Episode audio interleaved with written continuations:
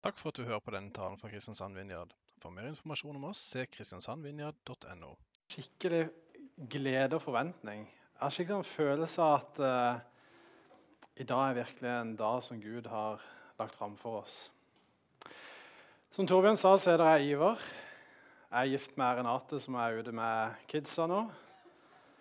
Um, og jeg skal prate i dag om noe som eh, Gud på en måte talte litt til meg gjennom en oppgave vi fikk på skolen.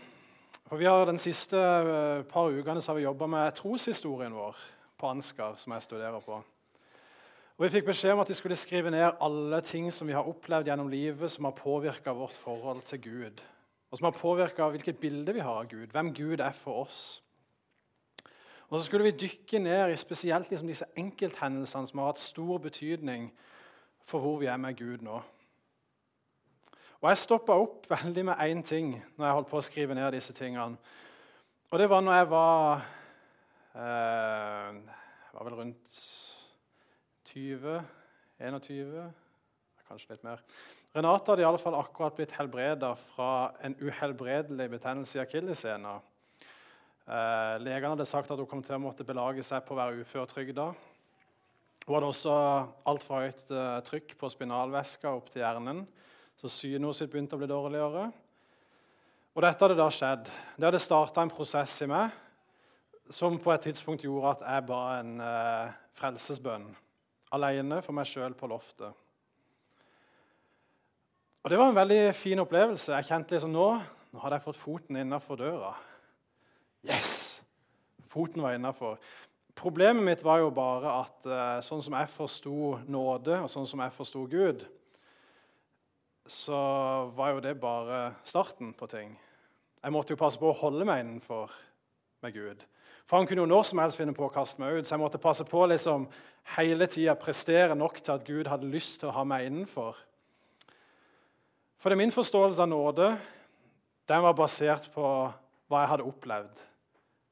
På min oppvekst, på ting som hadde skjedd. Altså Det nærmeste jeg noen gang hadde en forståelse av nåde, var kanskje når jeg var barn. og eh, vi var en ganske voldsom guttegjeng. Vi drev og sloss veldig mye med kameratene. Eh, spikka sånn eh, tresverd som vi drev og slo hverandre med. Eh, og når du kom på et punkt hvor du liksom lå nede på bakken, du hadde på en måte fått såpass mange slag at du ikke klarte mer å lå der, og så ba du liksom 'Vær så snill, nåde, ikke slå mer'.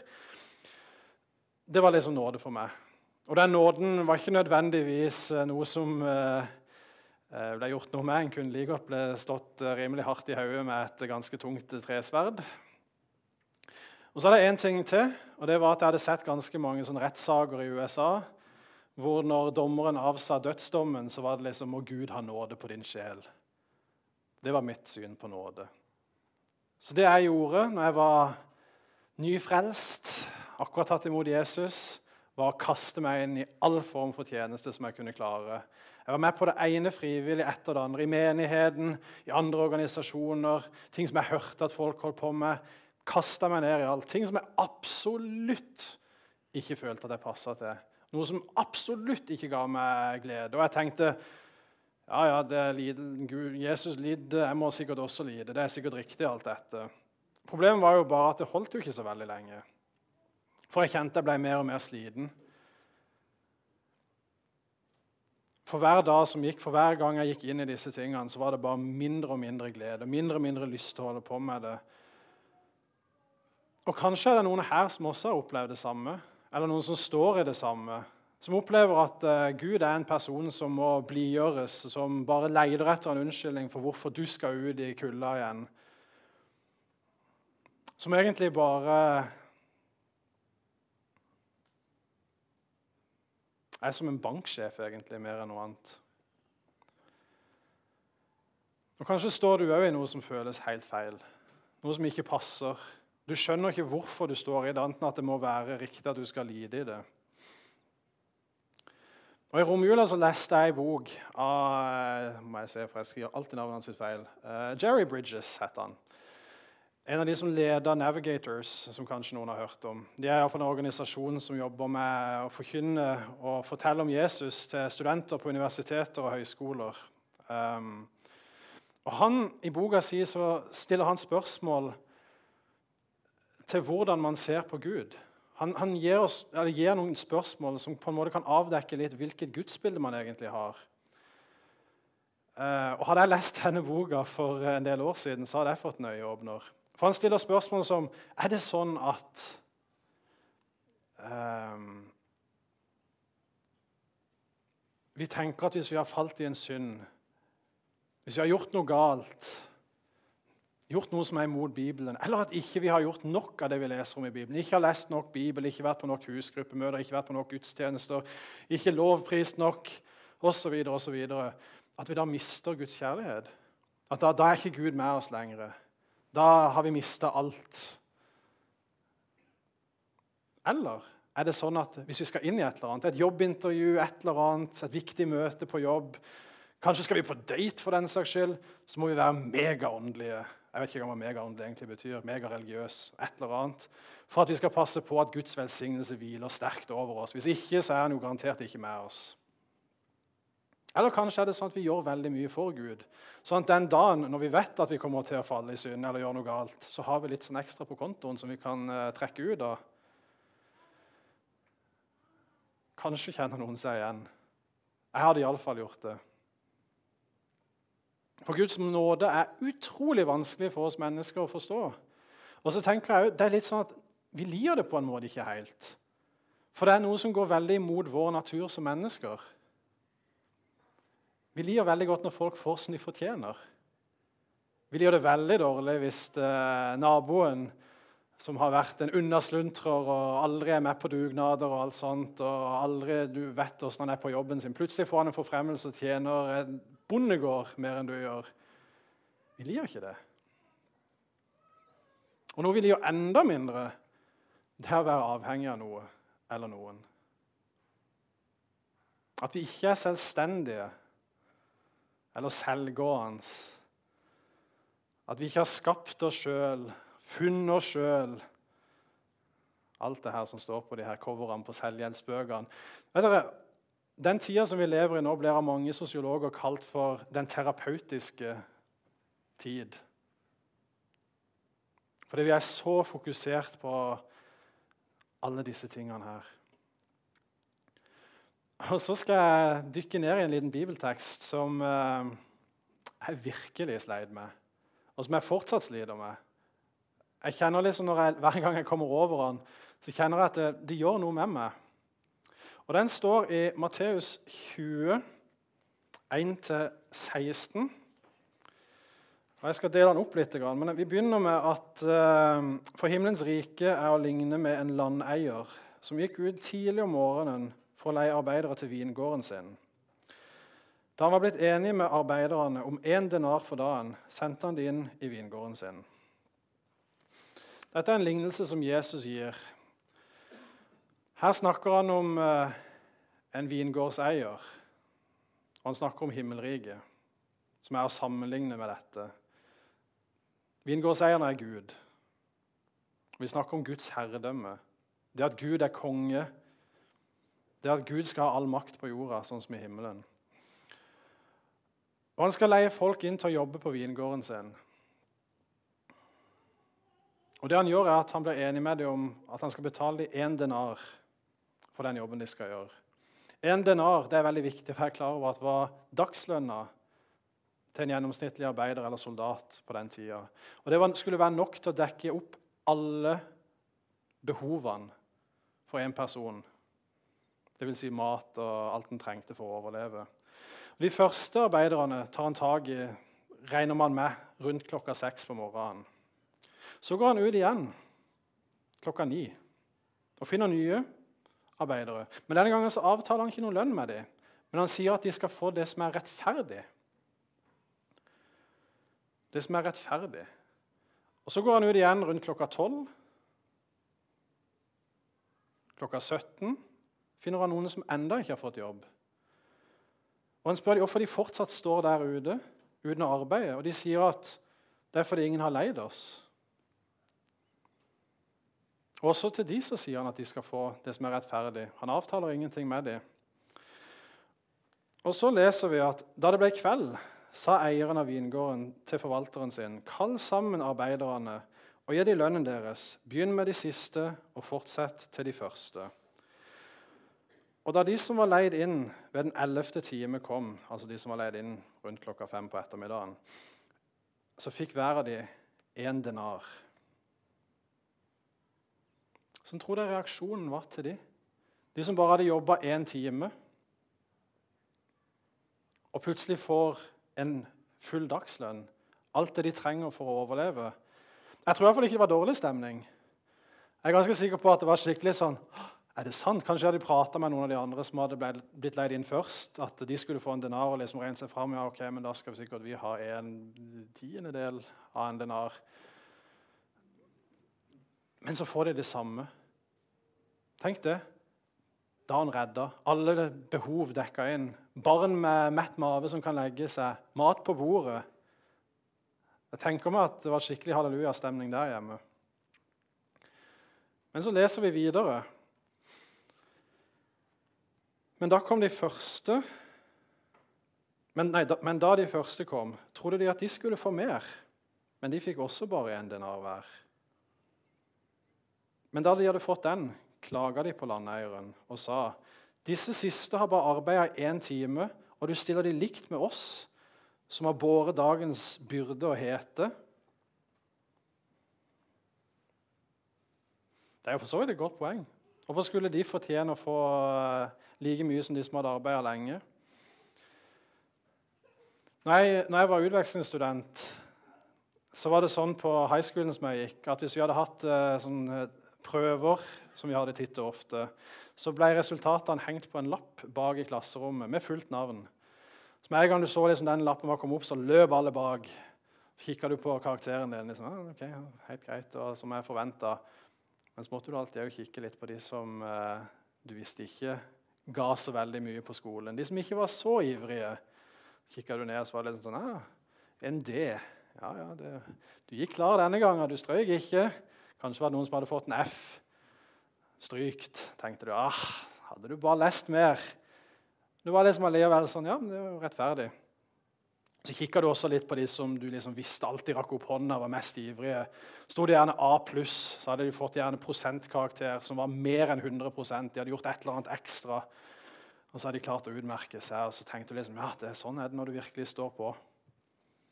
Men jeg kan garantere at hvis det hadde plutselig stått A pluss på hele den lista, huh, da hadde det blitt dårlig stemning. Da hadde det blitt virkelig dårlig stemning. Men sannsynligvis ikke så veldig dårlig stemning hos de som ikke hadde gjort så veldig mye. De hadde sannsynligvis vært kjempeglade for at de kom, kunne ta med seg hjem en A til foreldrene sine og vise dem som 'Endelig! Se hva jeg har gjort!' Men de hadde jo ikke fortjent det, da. Og Vi er veldig glad i at folk skal få som fortjent. Det er så innbakt i språket vårt òg. Og vi har et stort, stort problem med nåde. Og det til tross for at vi så virkelig behøver nåde. I slutten av Jesu lignelse så leser vi at uh, denne vingårdseieren uh, Men han svarte en av de og sa, 'Venn, jeg gjør deg ingen urett. Ble ikke du enig med meg om en denar?' Ta det som er ditt, og gå bort. Jeg vil gi deg den det siste, det samme som deg. Er det ikke tillatt for meg å gjøre som jeg vil med mitt eget? Eller er ditt øye ondt for det er, for det er god?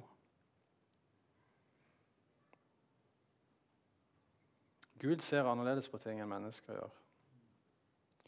Alle fikk det de behøvde. Det var ingen som gikk fra den arbeidsdagen med mangler.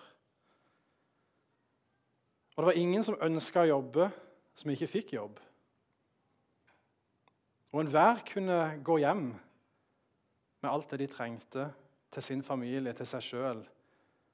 Legge seg mette. Enhvert sitt behov ble møtt. For vingårdseieren han forsørga de. Han ga hver og en det de trengte. I like stor grad de som hadde gjort lite, som de som hadde gjort mye. Og Spørsmålet er hadde de som hadde jobba lenger, egentlig noe større behov enn de som hadde jobba kort. Jeg tror ikke det. Og da sliter vi med en gang. Burde ikke de som jobber kortere, ha fått det litt kjipere? Kanskje ikke like mye penger. Ikke sånn at de sulter, for det hadde vært litt sånn umoralsk. og Vi kan ikke være umoralske, Men kanskje kunne fått litt kjipere middag. Litt kjipere vilkår. Men samtidig så er det jo sånn at uh, denne lignelsen til Jesus sier jo at uh, de svarer at uh, grunnen til at ikke de hadde jobba, var jo ikke at de var dovne. Det var at ingen hadde leid dem. Så greit nok. Men da burde kanskje de som hadde jobba lenger, fått litt mer, sånn at de kunne kjøpt liksom, Jesu tid sin variant av en større TV, et større hus, hytte på fjellet, båt, hva det måtte være. Boblebad, et eller annet.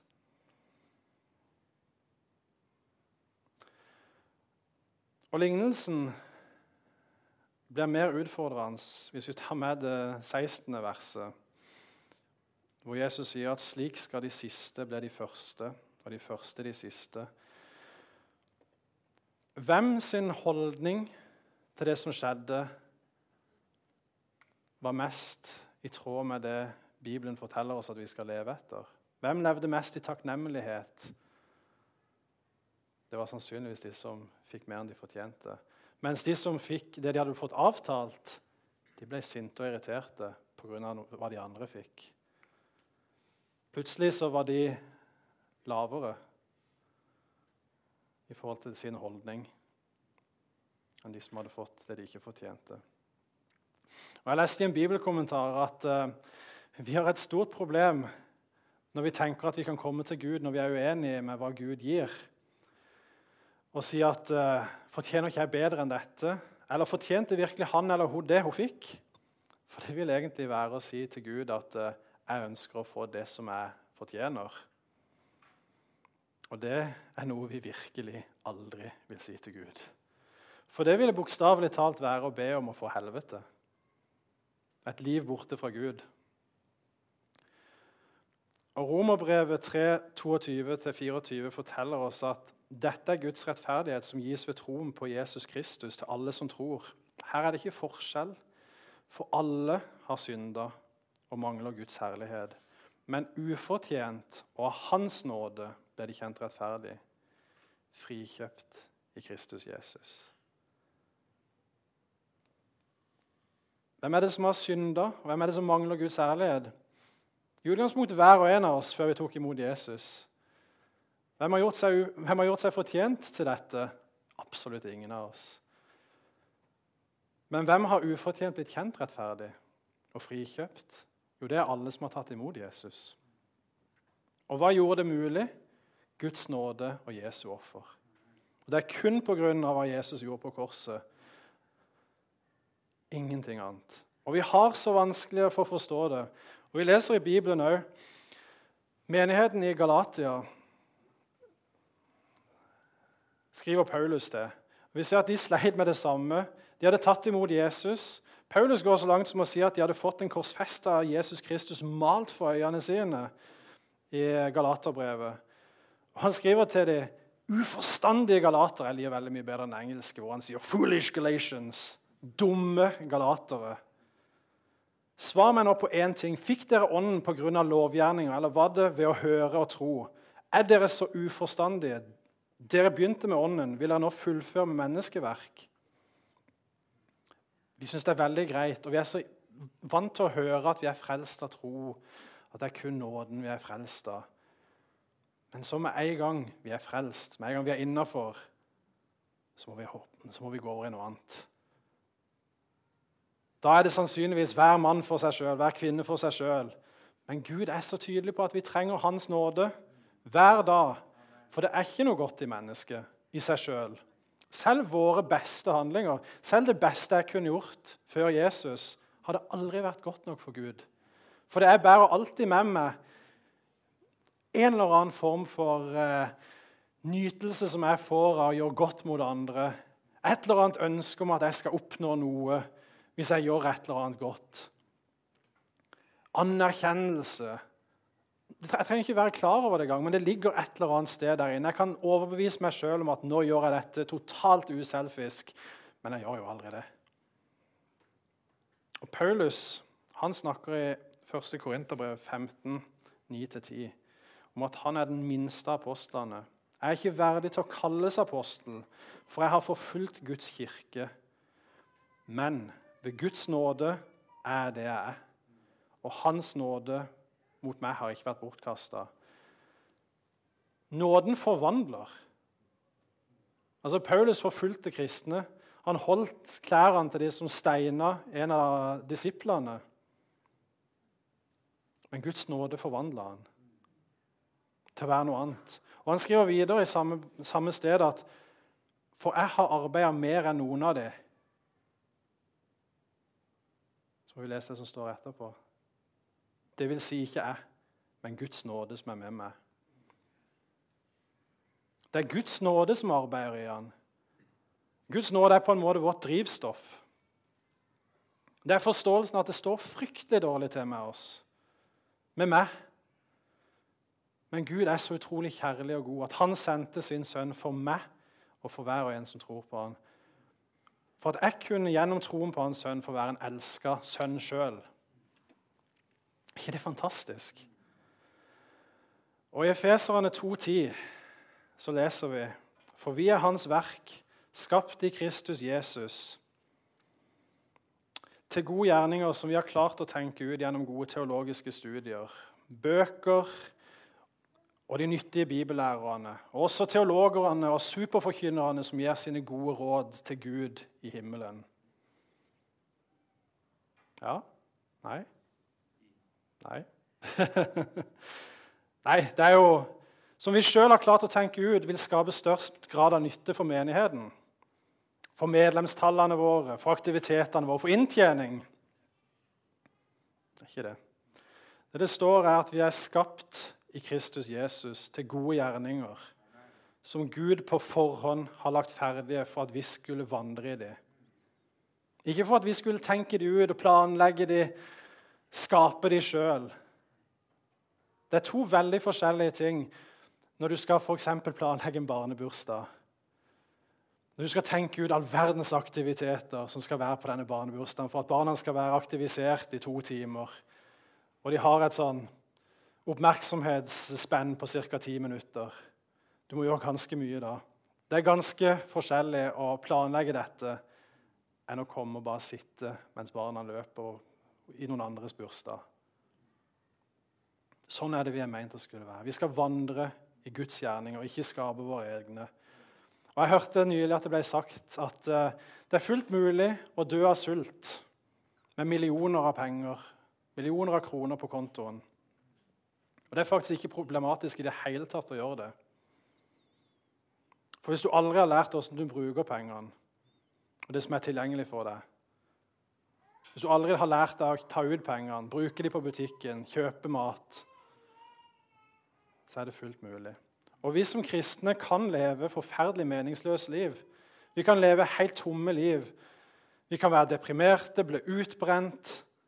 Og jeg tror mange ganger at vi vandrer i våre veldig nøye planlagte, menneskelige, fantastisk kreative planer om hva Gud bør ønske av oss, istedenfor å vandre i hans ferdiglagte gjerninger.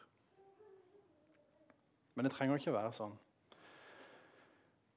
For Guds kjærlighet og Guds nåde er faktisk tilgjengelig for meg og for hver og en av oss som sitter her.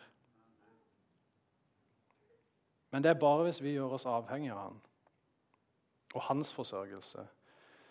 Hvis du vil komme under hans lederskap, tar imot Jesus og gjør han til herre, og gjør deg totalt avhengig av hans forsørgelse, og følger han i alt lytter til hans stemme og våger å vandre med blikket festa på han, og ikke på verden rundt oss eller stemmene rundt oss.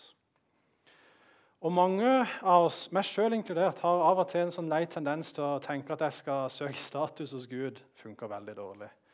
At jeg på et eller annet vis skal liksom få en sånn Facebook-like av Gud for noe jeg har gjort. For at jeg har gjort noe fantastisk bra. Eller et diplom. Her kan jeg henge dette på veggen. Det var når jeg virkelig gjorde noe bra for Gud. Det er ikke sånn. Det er ikke sånn. Vi kan ikke klare å gjøre, imponere Gud med noe vi gjør i det menneskelige. Men hvis vi vandrer med Jesus, i, ferdig, i Guds ferdiglagte gjerninger, da er det nåde på nåde. Og Gud elsker oss Ubetinga, uavbrutt og grenseløst. Vet du det? Virkelig. Virkelig. At du som har tatt imot Jesus, er et elska barn av den høyeste Gud som ga sin sønn på korset.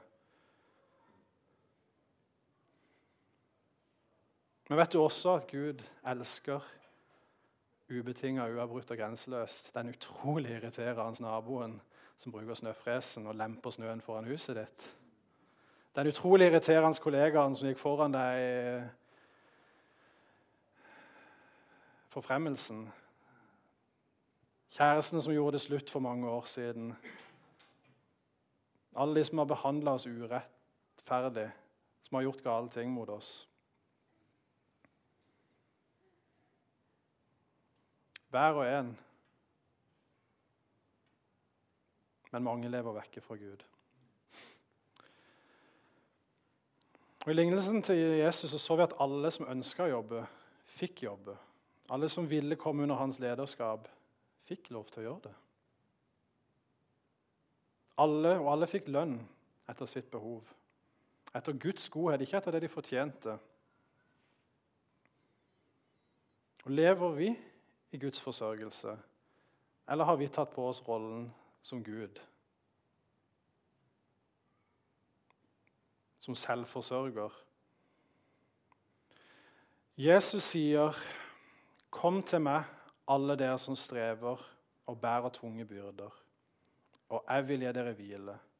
'Ta mitt åk på dere og lær av meg, for jeg er mild og ydmyk av hjerte.' Så skal dere finne hvile for deres sjel. For mitt åk er godt, og min byrde lett. Å komme under et åk det betyr å følge Jesus. Gå den veien han går. Bak han, rett bak han. Åk var noe du la på oksene. Når du hadde en uh, ung okse, så la du et åk over han så han fulgte den eh, gamle oksen som allerede hadde holdt på i lang tid. Vi skal gjøre det samme som Jesus gjorde sammen med han. Vi skal leve uatskillelig fra han. Så nærme at vi kan høre hans stemme, selv når det er mye støy rundt oss. Hvordan kan Jesus si at hans byrde er lett? Jo, det er fordi han vandrer i Guds nåde, og vi er kalt for til å vandre i hans nåde. Det er hans kraft, ikke vår kraft. Den hellige ånd med oss. Og Vi lever i en tid hvor det er utrolig mye støy. Utrolig mye som vil ta oppmerksomheten vår vekk.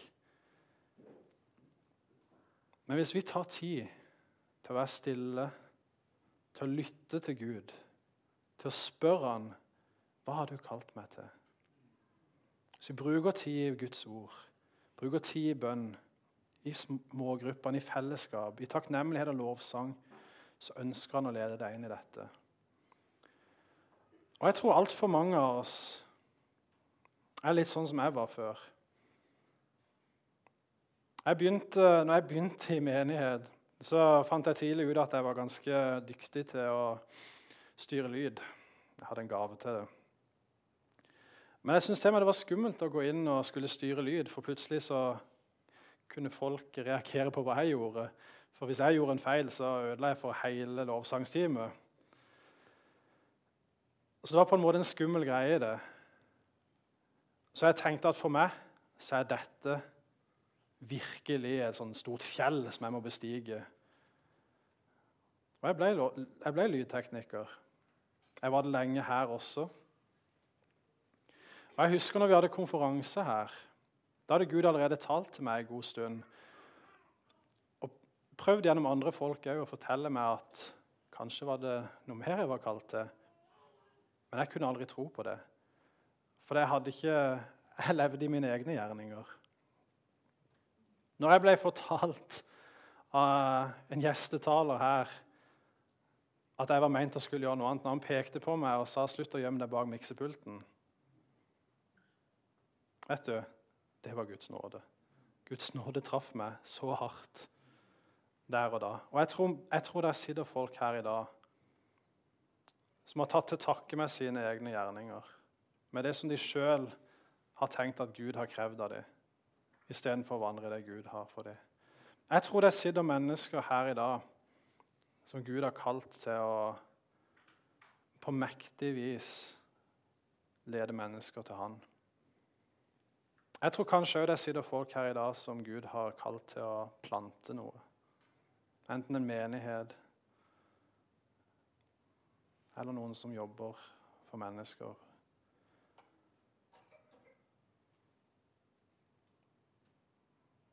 Men jeg tror at uh, en trenger å slippe Jesus til.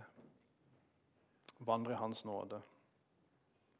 Nå har jeg mista helt tellinga på hvor lenge jeg prater, men det, vi satser på at det går greit.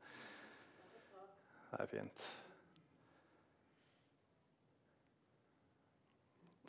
Når jeg satt og ba før jeg, denne uka før jeg skulle tale, så har jeg bare kjent at jeg tror Dagen i dag er en dag som Jesus vil helbrede sår og urett og ufortjent straff i livet som har hindra mennesker fra å forstå Hans nåde fullt ut. Og åpenbare hva Guds nåde og Hans kjærlighet egentlig er. Jeg tror også noen lever i noe som eh, de opplever at Gud av og til pirker borti av synd. Noe som eh, man på en måte har akseptert at eh, ja, men det er ikke så galt. Og Jeg tror det er noe som Gud inviterer i dag til å legge fra seg og legge fram for Gud. Noe som hindrer det livet i nåde. Og andre så tror jeg at Gud kaller til å legge fra oss disse selvlagde gjerningene. Det strevet som vi har gått i altfor lenge.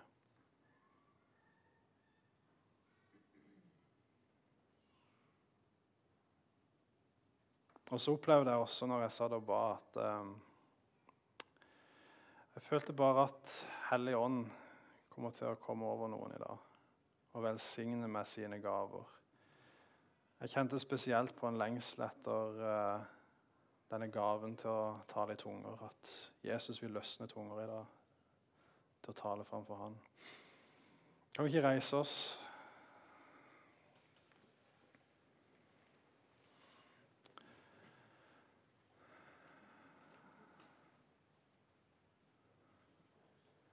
Jesus, jeg bare ber Herre om at du åpner våre hjerter til å ta imot den nåden som vi ikke har fortjent. Til at du taler til hjerter i dag. Til at du bryter av sår, urett, ufortjent straff. Hva enn det er som har hindra din nåde å få plass og ta bolig i våre hjerter. Jeg ber om en ny åpenbaring, Herre, bare om den nåden som du har. Den nåden som du ga hver og en av oss da du sendte din sønn for å dø for oss på korset. Som vi kan få lov til å ta imot, som vi kan få lov til å si ja til på ny. Og Herre, du ser òg synd i livene våre. De stedene som vi kommer til kort, de stedene som vi enda lever i ting som ikke vi har gjort opp. Og Jeg ber bare om at du taler til hver og en. Hvis det er noe, og hjelper også legge det fra oss og legge det framfor deg. Og at du bare kommer til din tilgivelse og nåde, som vi vet du har klar for hver og en av oss. Hjelp oss å legge av våre selvlagte gjerninger og vårt strev Takk for at din nåde er ny hver dag. For at din nåde er den kraft som utruster oss. Og Herre, takk for at du her inne akkurat nå taler til mennesker om det kallet som du har for livet ditt sitt. De som du har kalt til å lede, som har eh, pga. løgn i livet sitt, pga. ting som har skjedd, som de har ikke tørt å tro på det lenger. Takk for at du reiser opp ledere, for at du reiser opp mektige mennesker. Takk for at du bryter løgn om at uh, din nåde ikke er nok.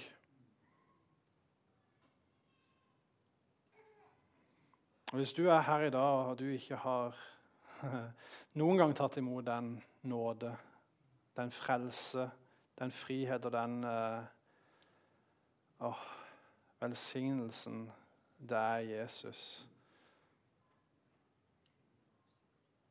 så er det en mulighet i dag til å si ja til Jesus som herre for ditt liv. Til å bekjenne dine synder framfor han. Til å komme framfor han og ta imot han som din herre, din konge. Og legge av deg alt for han. Og velge å følge han. Og Hellige jeg bare ber om at du òg kommer med dine gaver i dag. Din kraft og din berøring. Herre, du ser dette som eh, jeg følte på når jeg ba før i dag. Om at du ønsker å løsne tunger til å tale ditt språk. Jeg bare ber om at du løsner de tungene. I Jesu navn. Kom, Hellige Ånd.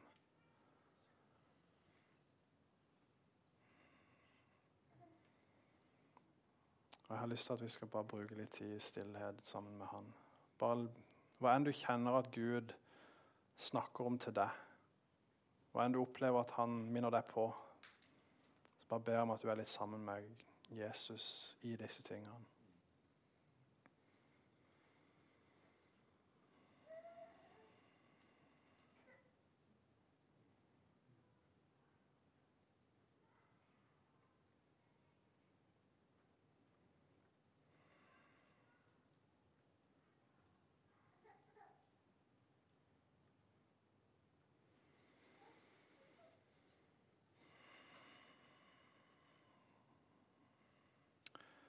Og Hvis du er her i dag og du eh, kjenner at du trenger å bli bedt for inn i noe av det jeg har snakka om, eller noe helt annet hvis du, kom, hvis du, er her i dag og har sykdom og plager Hvis det er, livet er tungt, hvis det er mørkt Hva enn det måtte være, så tror vi at Jesus er trofast. Vi tror han er her, vi tror han helbreder, at han setter fri, og at han reiser opp. Så vi kommer til å gjøre sånn som vi alltid gjør. Vi kommer til å sette på litt lovsang. Så kommer forbedrerne til å komme fram her. Hvis du kjenner at du er her i dag og enda ikke har tatt imot Jesus, men du vil gjøre det, så er jo dette en veldig fin mulighet til å komme fram. Og så kan vi være med og be og velsigne inn i det valget. Så da setter Marianne snart på litt lovsang. Og så, ja, så er det gratis kafé inn dørene der. Så da er det bare inn og spise litt kake og ta litt kaffe og fortsette gode, den gode praten. Yes.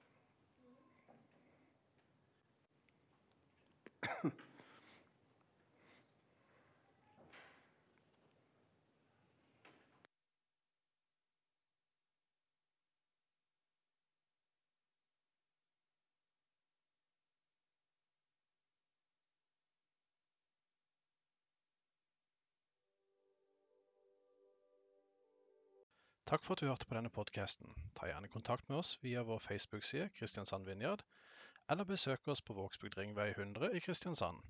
For mer informasjon om hva vi gjør og hvordan du kan bli involvert, gå inn på kristiansandvinjard.no.